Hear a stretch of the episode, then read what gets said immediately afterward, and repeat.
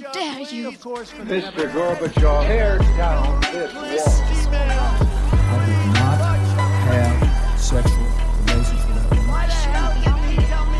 Read my lips. Hell yes, we're gonna take your AR-15. Well, I have a dream. Thank you. Velkommen til en ny episode av SOS, statsvitenskap og sånt. Eh, og Harald, vi holder jo til i, i, på Høgskolen Østfold og underviser i statsvitenskap og eh, relaterte fag. Det er jo stadig eh, Vi får jo mange som søker til eh, studiet. Faktisk en oppgang i studiet, eller antall studenter i, i år. Det er jo veldig eh, gledelig. Men vi tenkte vi, vi, Det blir jo fort at vi snakker om eh, altså filosofi, politikk, eh, dags, altså hendelser og de tingene der. Det vi ikke har, kanskje har snakka så mye om Vi har én podkast hvor vi snakker om hva er statsvitenskap. Eh, men vi tenkte vi kunne i dag følge opp med en mer spesifikk episode om studiehverdagen. Hvordan det er å være student på HiØ, eh, mer generelt, men også på statsvitenskap. slik at eh, de av dere, og det blir jo et litt spesielt semester i hvert fall, og kanskje studieår, i 20, altså 2020-2021. Eh, Så det er jo en del nye ting, og da er det greit å prate litt om de tingene der, men også studiehverdagen eh, sånn generelt. For å gjøre det, og for å gjøre det best mulig, så har vi toppa laget igjen. Eh, Og vi har hanka tak i eh, Maria Machiavelli. ja. Hei. altså, Machiavelli er så bra nå. Ja, det er, og der ser du på en måte statsvitenskapelig innflytelsen. Det bare, det bare siger inn der. Men eh, du er jo, er jo student, Ja. og veldig, veldig aktiv, får vi, får vi si. Men eh, det som er fordel, er at du kjenner på en måte litt begge deler av, eh, av spillet, hvis vi kan si det på den måten. Begge deler av uh, mynten. Og det er jo egentlig litt eh, nyttig. Uh, og noe av det som, uh, i hvert fall når vi tenker på studiehverdagen uh, spørs bare på hvor, hvor, litt hvor vi skal starte, om studiehverdagen eller statsvitenskap. Men ettersom vi har en ekspert i, eh, i rommet. Altså det er deg, Maria ja, ja. Jeg er bare så Eh, uvant til å bli kalt noe sånt. Ja, nei, du er nå vår ekspert. Ok. Eh, For nye studenter uh, som kommer, august vi- jeg vet ikke, Er det satt en oppstartsdato, tror du? Nei, ikke. det er midten av august. Mm. Hva er det du tenker uh, som er viktigst å starte med, eller som er uh, for de som vurderer å søke statsvitenskap, eller allerede har kommet inn i statsvitenskap og skal til Halden, kanskje?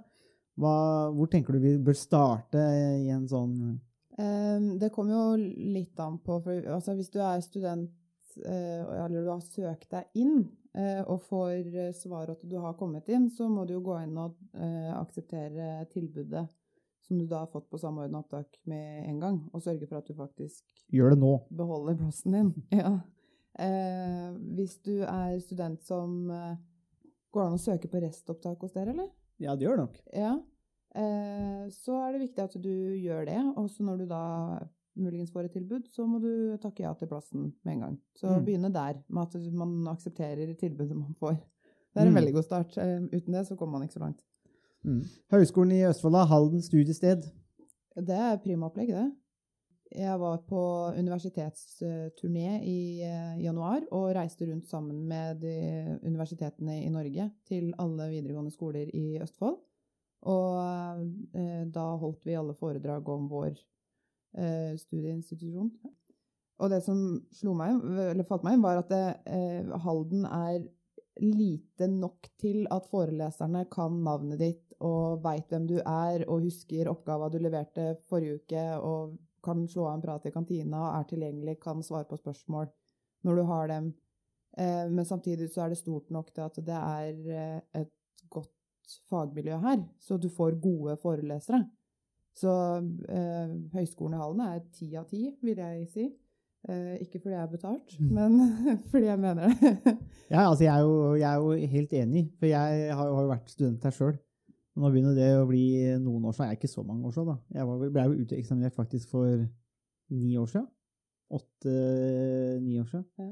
Eh, så jeg bodde jo på Remmen her, Mm. så det var jo veldig fint. eh, nærme, altså det, det er jo på campus, da, for å kalle det sånn. Si det sånn. Ja, det er to minutter å gå. Ja, og nå er det faktisk mye mer utbygd enn det var. Mm. så nå er det jo butikker og spar liksom rett nedafor. Det var det ikke da jeg var her, så det, da var det liksom enda mer på, på landet, for å si det sånn. da. Mm. Nå er, jo, er det jo veldig utbygd, eh, og de tingene der. Og nettopp det med, med kontakt nå. Det, jeg, jeg tror det er, det er en viss verdi, og det tenker jeg i hvert fall for er, Det er mange som er usikre når de søker studier. Uh, noen følger jo bare venner eller sånn type press, eller hva, de er, som er, hva som er meningen at de skal gjøre. Uh, for mange så betyr det at de havner i Oslo. Mm. Uh, det er ikke sikkert at det er det riktige valget for dem. Og UiO er jo, en, er jo en fabrikk som er veldig stor, med, og, byen er jo stor. Men jeg tror også oppriktig at for mange som søker, og første gang hvis man er litt usikker, så er jo Halden også et godt sted. Eh, for som du sier, da, det er en relativt liten institusjon og liten by, Mm. men det, er på en måte, men det er stort nok. Og så er det enklere å kanskje Ja, du får, det er lettere å få, få kontakt med folk, og miljøet er litt lettere identifiserbart. Og kanskje litt enklere å finne eh, Hvis man er usikker, så tror jeg det, er litt, eh, det kan være en fin måte å finne seg sjøl litt på, og hva man vil studere, og litt av den tyngden der. Jeg vet ikke hva du tenker, Harald? Du gikk jo rett til UiO, gjorde du ikke det? Jo, nesten. UiO er jo et, um, et universitet som, som har veldig mange uh, studenter. Uh, og fordelen med det er jo at uh, det er jo ganske mange ulike organisasjoner og samfunn som man kan, kan bli en del av. Men samtidig så er det også veldig Det som er ulempen, er at når det er så stort, så kan man også bli litt borte. og um, man blir en av de 27 eller 28 000 andre studentene, så man kan, eh, kan oppleve det som en, at man blir litt, uh, blir litt alene, sånn både faglig og, og sosialt, kanskje. Så det som både du og Maria har vært inne på, er jo uh, noe av det som, som absolutt skiller Halden fra an, mange andre steder, og så kanskje spesielt Universitetet i Oslo. Uh, Et mindre sted med litt mindre forhold og antagelig litt tettere oppfølging uh, fra foreleserne enn det man uh, ofte vil finne på større um, universiteter. Mm. Det tok ganske kort tid fra jeg flytta uh, til Halden aleine, til at jeg følte at Halden var hjemme. Fordi at man blir så fort kjent med folk. Og så er også skolen veldig tilrettelagt for de som flytter hit aleine. Eh, det er Halden studentsamfunn som gjør en superinnsats og er med og bidrar til fadderuka og sånt noe, så alle studentene blir møtt med, med kjente fjes. Altså du får navn å forholde deg til allerede første dagen og kommer inn i en gjeng allerede der. Og det er massevis av sosiale arrangementer som er i regi av studentsamfunnet. Og så eh, har du en interesse og lyst til å starte en klubb eller en organisasjon, så kan du søke Halden studentsamfunn, og da får du oppstartsmidler til det. Eller så finnes det jo en haug med klubber her allerede. Alt fra strikking til brettspill eller volleyball eller fotball eller hva enn. Så hvis man sitter hjemme nå og er usikker på om man skal søke fordi man syns det er skummelt å skulle flytte hit eller være student, så tenker jeg at da er det ikke noe å være redd for. Da er det bare å søke Mm. og komme hit. Mm. Fordi Ja. du blir tatt imot med åpne armer, og det er et system rundt deg. Uansett hva det er du skulle lure på. Mm. Og ja, det, det, det tenker jeg også. Og det, det faglige òg er jo en, en viktig bit. Det å ha Mm. mindre, mindre klasser. Mm. Eh, det, er noe i det. Altså, du, du, større ting så møter du flere folk. Eh, men du møter jo nok her òg, for å si det sånn. Men, men det er den faglige oppfølgingen hvis man er interessert. Og så er det, det er ikke til å komme utenom at det er enklere å få kontakt med oss som fagansatte enn det er ved store universiteter. Mm. Rett og slett fordi at det er mange flere, og vi har færre her. Mm. Det er, det er bare en, en sånn greie. Det er jo et komparativt fortrinn for oss, og for de studentene. Da. Så det er jo en god utvikling. Så vi har jo et veldig godt miljø og et uh, bra fagmiljø her, uh, som er mulig å utvikle Eller man, hvor man kan utvikle seg, da, tenker jeg. Så har man jo også tilbud som er laga uh, for studentene, og særlig kanskje de nye. Eh, og det er sånn som studieverksted, hvor du eh, når du begynner å skal skrive oppgaver på eh, høyere nivå, så skal du skrive akademisk skriving. Og det er jo en helt ny skrivemetode for de fleste. Og det er det flere som sliter med, forståelig nok. Og da har vi studieverksted som er åpent to dager i uka, helt gratis tilbud, drop in, og så får du hjelp med oppgaven din av ansatte veiledere der sånn. Eh, Det er sånn tilbud som gjør overgangen fra videregående, f.eks., eller arbeidslivet, litt lettere. Mm. Eh, og vi har jo også sier råd og helse. Hvis du sliter med å planlegge hvor mye skal jeg lese, skal jeg lese døgnet rundt, eller går det greit med å ta meg en pause? Eller jeg har ikke lest Helst døgnet rundt. Eller jeg har ikke lest i det hele tatt, begynner å få litt noia, hva gjør jeg? Mm. Da går du til Marianne da, på Sier råd og helse, så lager hun en plan til deg og følger opp og gir deg veiledning. Eller at du får stressanfall av eksamen, for det for noen, da har du folk som hjelper deg. Så det er liksom et system rundt. Så kanskje bor mora di langt unna, men vi har betalte mammaer her, så Mm. vi har Marianne på side, Mm. og vi har eh, bibliotekarene og alle veilederne og sånt noe. Så det syns jeg er det største fortrinnet med, med Halden. Det er, det er at det er et system som er laga for studenter. At høyskolen skjønner hvilke utfordringer studenter har, og har møtt det med tilbud. Og så er det jo noe med den overgangen, Harald. For det er en overgang fra videregående til eller fra arbeidslivet til ak akademia og høyere utdanning. Vi kan jo kanskje snakke litt om det òg. At man, ja, er, man, man må jo være forberedt på en, en, en endring og et, et annet nivå. Eh, Men det er jo det vi trener på da, og hjelper til med. Ja, for det er, et ganske um, stort steg fra videregående til å studere på høyskole eller universitet.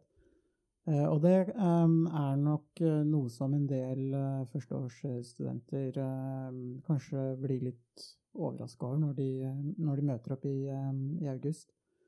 Og innser hva, skal, hva slags tekster de skal lese, hvor mye de skal lese, antall arbeidskrav og den type ting. Eh, Så det er et, eh, absolutt et steg opp. Eh, En av de tingene som, som kanskje mm, som er mest utfordrende for en del, er at man må jobbe mye mer selvstendig enn det man kanskje er vant til på videregående. Mm. Og det kan være, være krevende, og noe som mange studenter bruker litt tid på å mm, lære hvordan de skal, hvordan de skal forholde seg til det. Um, en annen ting som, um, som vi kan trekke fram, er jo litt i, um, i tillegg til, sel til selve fagkunnskapen som vi de vil lære uh, ved å studere statsvitenskap, så vil jo også få en del mer generelle ferdigheter uh, som vi vil forsøke å, å trene studentene i uh, underveis. Forskjellige skriveøvelser og oppgaver og eh, lære litt hvordan man, altså teknikker for hvordan man kan, eh, kan skrive, hvordan man kan eh, formulere seg og løse en del, Mm. del oppgaver, både skriftlig og muntlig, eh, egentlig. Mm, det er, ja, for det er, jo, det er jo et nivå opp, som du sier. Absolutt. Og så er jo poenget det at eh, vi er også her for å hjelpe til med å ta det nivået og utvikle studentene videre. Eh, og så er det jo viktig å få med det at hvis man jobber litt aktivt med det, eh, så det kan jo virke som et, eh, et stort steg, og det er det, men samtidig så, og det her vet jo vi fra egen erfaring fra vår studenthverdag òg, og vi ser det på studentene, eh, litt målretta jobbing og med veiledning, så tar man det nivået. Ja, absolutt. Og de aller fleste eh, gjør jo det. Eh, Mm. Og eh, det å studere kan man jo, eh, eller det å lære, kan man jo også sammenligne litt med det å, å trene. Eh, Man må Det krever litt innsats. Man eh, må bli litt sliten. eh, Og man må kanskje bli litt støl og litt, litt sliten i kroppen Mm. for å bli sterkere eller løpe raskere. Og på samme måte så, um, så er det med læring og å være student også. Det krever en del mental innsats. Og man vil bli litt sliten underveis, og man vil oppleve at man må presse seg selv litt. Eh, men det er også det som, som er med på å skape læring, at man får til og klarer ting som man ikke ville klart for noen måneder siden. Mm, det er veldig fascinerende akkurat den prosessen der, da. Ja, så det er jo en konstant øvelse i å takle å gjøre noe du egentlig ikke har lyst til, eller eh, lese noe som du egentlig ikke forstår, Forstår. helt til det plutselig løsner, og så sitter det skikkelig. Mm. Og og det er, er veldig vanskelig eh, i begynnelsen. Um, men etter hvert så, så lærer man litt mer om hvordan man kan eh, angripe tekster, hvordan man kan eh, forstå eh, teorier og ideer som eh, kanskje virker litt fremmed i, eh, i begynnelsen. Eh, og en del av formålet med undervisningstilbudet eh, er jo nettopp å mm, sette studentene i stand til å, å mestre nye ideer, teorier og perspektiver på, på statsvitenskap. Mm. Ja, det er jo en periode hvor man har mulighet til å utvikle seg ganske mye. eh, lese mye, men, men, men generelt utvikle seg. Og det gjør man jo òg. Det er også viktig å få med at man forandrer seg som, på en måte som person kanskje ganske mye over tre år. Eh, det er mye som kommer til å skje. Man er ved videregående, og så tror man Jeg har jo undervist ved videregående òg. Eh, og snakka med folk som var måtte, studenter og russ, og hadde de prioriteringene der òg. Men det er en ganske stor reise fra videregående-dagene til studiehverdagene. For man reiser ut og møter nye folk, og man utvikler seg, forandrer seg. og prioriteringene forandres. og Sjøl så studerte jo jeg først årsstudium statsvitenskap, som jeg nå underviser i her ved, ved Halden. Jeg er usikker på om jeg skulle fortsette i Halden, og så ble jeg værende i Halden i en bachelor. da. Men det som skjedde da, var jo det at eh, når jeg da var ferdig med de tre åra, så hadde jeg veldig lyst til å reise ut. At, og det tror jeg kanskje har noe med at man blir møtt med nye impulser eh, og språk og, og, folk da, ved et eh, universitet eller høyskole, sånn som jeg ble her. Og det eh, gjorde også at jeg hadde lyst til å reise ut etterpå.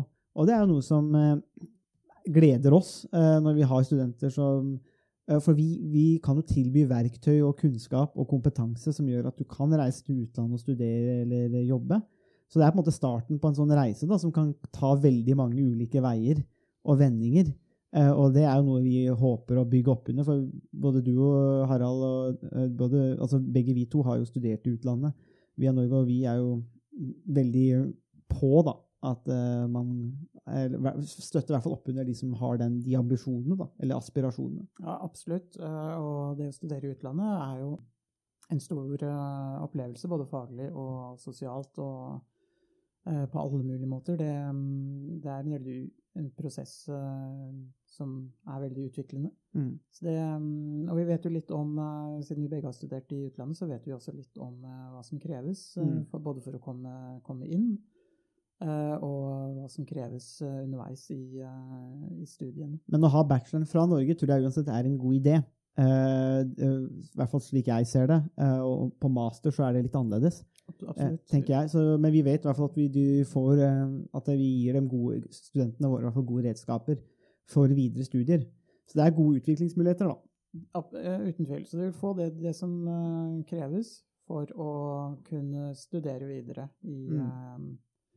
ved, gode universiteter i, i utlandet. Mm. Vi kan jo bare snakke bare helt kort, altså vi, for vi tilbyr jo her eh, bl.a. et årsstudium med og det er jo fag som henger sammen, og det er jo for de som er interessert i Vi kan vel kanskje si det, litt bredt om at eh, vi gir jo på en måte en innføring i, i måte, å, gi redskaper til å forstå hvordan verden henger sammen. Kan vi si det, kan vi, kan vi si det så bredt? Altså, hvis man er interessert i å forstå hvordan samfunnene fungerer, hvordan ulike samfunn fungerer, og hvordan de fungerer sammen, altså på et internasjonalt nivå, så er på en måte det her studiet for deg. da. Absolutt. Jeg tror det er en veldig god uh, oppsummering av det som de vil bli møtt med eh, i løpet av et år eh, her i Halden. Mm, for har de, har de, eh, Er de så heldige å få deg, Harald, i f.eks. politisk teori, så handler det jo om grunnleggende begreper og litt sånn grunnleggende filosofi som kan være litt vanskelig å få tak i. Det kan virke litt sånn abstrakt, men det, er, men det er tanker som har vært med oss i flere tusen år, forresten.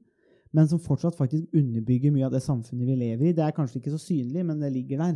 Og det er jo på en måte noe av det du for eksempel, da, griper tak i, uten at jeg skal forelese, si hva du skal forelese om. Da. Ja, ehm, eh, Politisk teori er jo et fag eh, som handler om de ideene som har skapt det samfunnet vi har i dag. Altså hvorfor har vi en velferdsstat?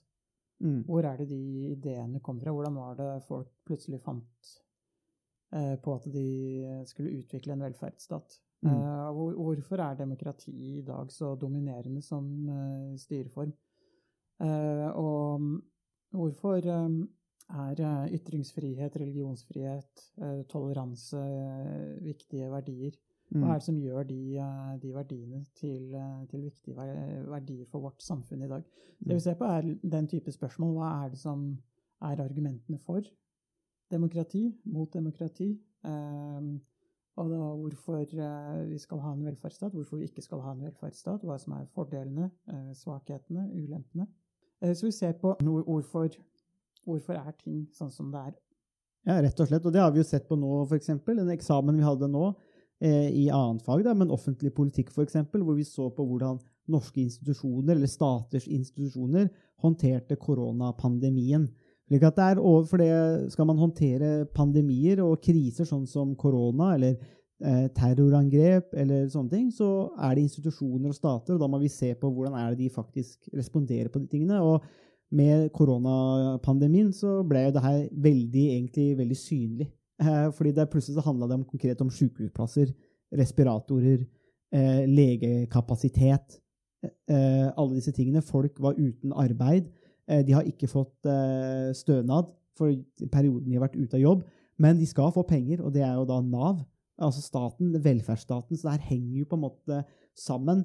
Eh, og i internasjonal politikk for eksempel, så kobler vi jo det statlige nivået sammen med andre stater og ser på hvordan stater handler sammen, hvordan de oppfører seg mot hverandre, og hvordan den kampen fungerer internasjonalt. F.eks. med at Trump prøver å kjøpe opp et tysk selskap som skal lage vaksine, eller går til handelskrig mot Kina eh, for å vinne kampen der. Da. Så det er alt, mye av det man ser i nyhetene, tar man en avis, eh, de, disse dagsaktuelle hendelsene er jo det vi prøver å forstå da, i statsvitenskap. Så det er jo en kort innføring kanskje i hva vi driver med. Men eh, Maria, har du noen du, Brenner du inne med noen spørsmål som du tenker eh, studenter bør få svar på? Um, jeg tenker Hvis jeg hadde søkt statsvitenskap nå og kommet rett fra videregående, så hadde jeg nok lurt litt på hva, eh, hva forventes av meg. Hvor mange oppgaver eh, skal jeg levere inn? Eh, hvor store er de oppgavene? Hvor mye skal jeg lese? Hvor mye tid skal jeg sette av til høsten til å være student? Fordi man vet jo at det er heltid, men hva innebærer heltid?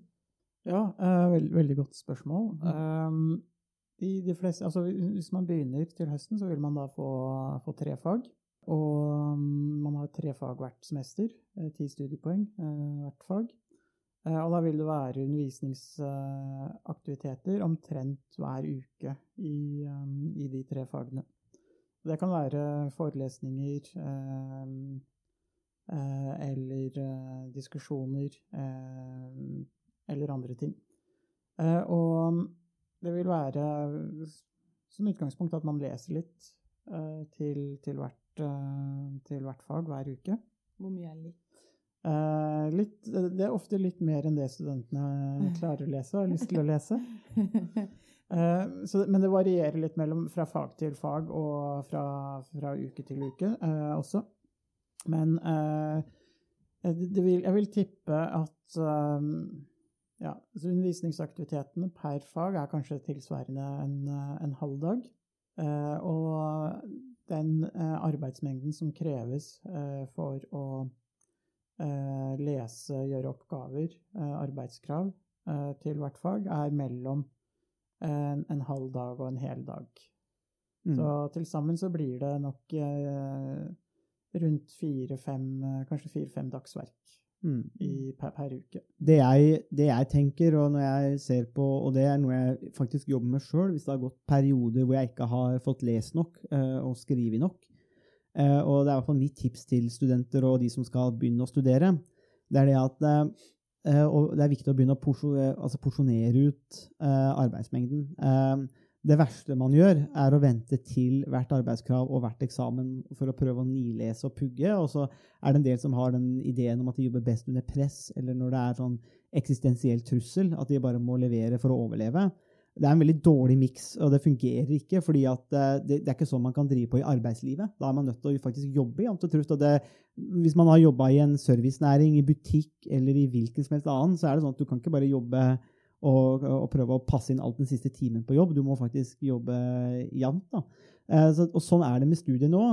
Men i hvert fall som er min egen erfaring, da, at man trenger ikke starte så tungt. Man kan faktisk starte med å kanskje lese ti sider. eh, eh, Tre-fire dager i uka. Men bare sitte og lese ti sider. At, så, for da får man ikke den eh, Da blir man ikke bombardert og overvelda første uka eller andre uka. Så sitter man og leser kanskje ti sider. Neste uke eller kanskje to uker seinere så vil man ha økt lesehastigheten sin. Bare ved å ha lest ti sider, så leser man 15 sider. Så går det egentlig ganske greit. Har man den disiplinen, så, og det er mange studenter som ikke tror meg, tror jeg, jeg sier det, men jeg sverger på at det er sant. At hvis man er litt disiplinert gjennom uka og bare leser 10-15 sider, og etter hvert kanskje 20-25, så bygger man opp lesehastigheten og leseforståelsen. Og så hjelper det veldig når man kommer nærmere eksamensperioden. Eh, Så det er måte mitt tips. da. Man, så, man må ikke være overambisiøs i starten. Eh, Det holder å gjøre små ting og så bygge seg opp over eh, semesteret. Så går det, de tingene stort sett egentlig veldig bra. Så det er måte mitt tips. Sånn arbeidsmengde. Det trenger ikke være mye i starten.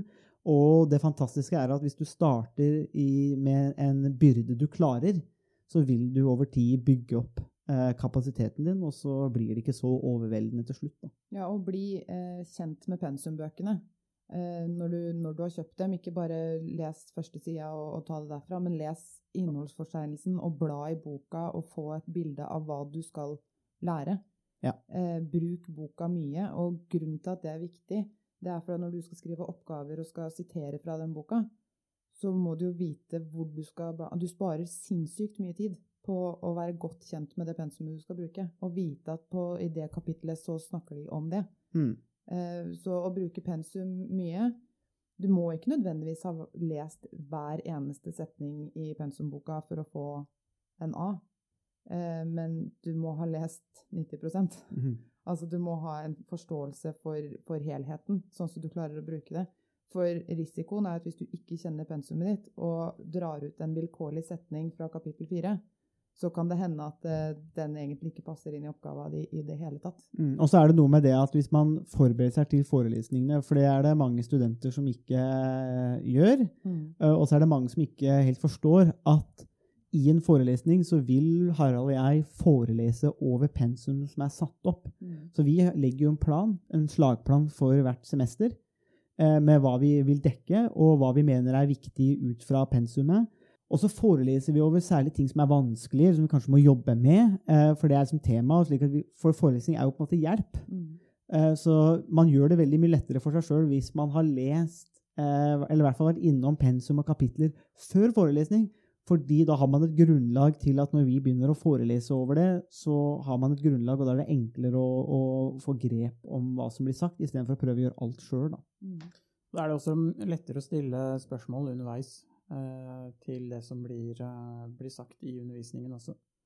Så eh, hvis Ja, man det jo er kjempeviktig at studentene faktisk benytter seg av muligheten til å stille spørsmål.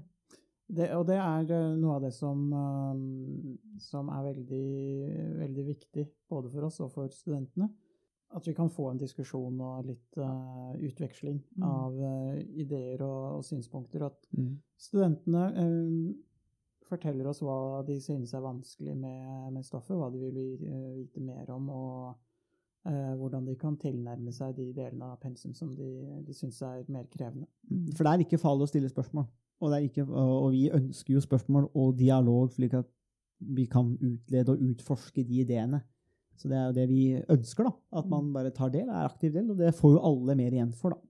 Så er det også lurt om, eh, hvis studentene lærer noe i forelesning, at de fortsetter å ta diskusjonen med, altså med hverandre når de går ut. At eh, du er ikke student bare de tre-fire timene du er i forelesning. Det, er, det blir en livsstil. Og hvis du begynner å bruke det du lærer hele tiden, da er det så mye lettere på eksamen. For da sitter den kunnskapen. Da er det noe du kan. Mm. Jeg tenker det er akkurat det du, akkurat det du sier der med at, det, at gjør det til en livsstil. Det å lese og diskutere og bruke de tingene med venner. Du vil få deg nye venner, og at man kommer inn i den gode tralten der. For det er jo også noe av det Harald og jeg har satt mest pris på. Vi har snakka om det i podkasten nå, nettopp det akademiske miljøet vi ble møtt med i England, f.eks., hvor man eh, hadde forelesninger og diskusjoner, og så var det ned til puben og fortsette diskusjonene der. Eh, det gjør på en måte at man eh, automatisk blir dratt med litt, og man, ja, man, man kommer liksom inn i miljøet, og så blir det en livsstil, og da har ting plutselig blitt mye enklere. Og så er det jo noe med det at det gjør det morsommere. Ja. Eh, Så selv om ideene, eh, noen av teoriene, kan være vanskelig og krevende å forstå, eh, men det å kunne diskutere de ideene sammen med andre, eh, gjerne i en litt uformell kontekst, er eh, noe som ofte er veldig morsomt å utvikle når man lærer ting både om seg selv og teorier og nye, nye ideer. Og og det er veldig, veldig viktig, og noe som vi ønsker å legge, legge vekt på. Ja, Har vi vært innom det meste nå, Maria, for eh, nye pros prospektive studenter? Ja, jeg tenker at det her er greit. Altså, så man skal jo ikke dynke dem med informasjon heller. Det har iallfall dekka det viktigste, tenker jeg. Mm. Og så er det jo mulig å ta kontakt med høyskolen og spørre om studietilbud eller hverdagen. Mm. Eh, Du har jo nevnt eh, noen, eh, og det er jo også mulig å sende en e-post til oss, både Harald og meg, hvis det er måtte, statsvitenskapelige faglige ting de lurer på hva man blir møtt med, så er det jo bare å sende en e-post. Så svarer jo vi. Så da får man jo egentlig spørsmål hvis, hvis man har mer direkte spørsmål, da, som ikke vi svarte på i den podkasten her. Og hvis du er kommende statsvitenskapsstudent, så er du litt lur hvis du går inn og hører på de tidligere episodene som er lagt ut. Det var et meget godt tips. Det er, Det er dagens beste tips. dagens beste tips. Det var det vi hadde å by på i denne ukas episode av Statsvitenskap og sånt. Musikken er komponert av Robin Horvath, og Thomas Colato står for miksing og redigering. Du finner oss på Facebook, bare søk på Statsvitenskap og sånt. Der kan dere komme i kontakt med oss hvis dere har spørsmål eller kommentarer. Der finner dere også aktuelle artikler, videoer med mer. Vi setter pris på om dere liker sida, og deler den med andre som dere tenker vil ha glede av å høre på podkasten. Vi høres!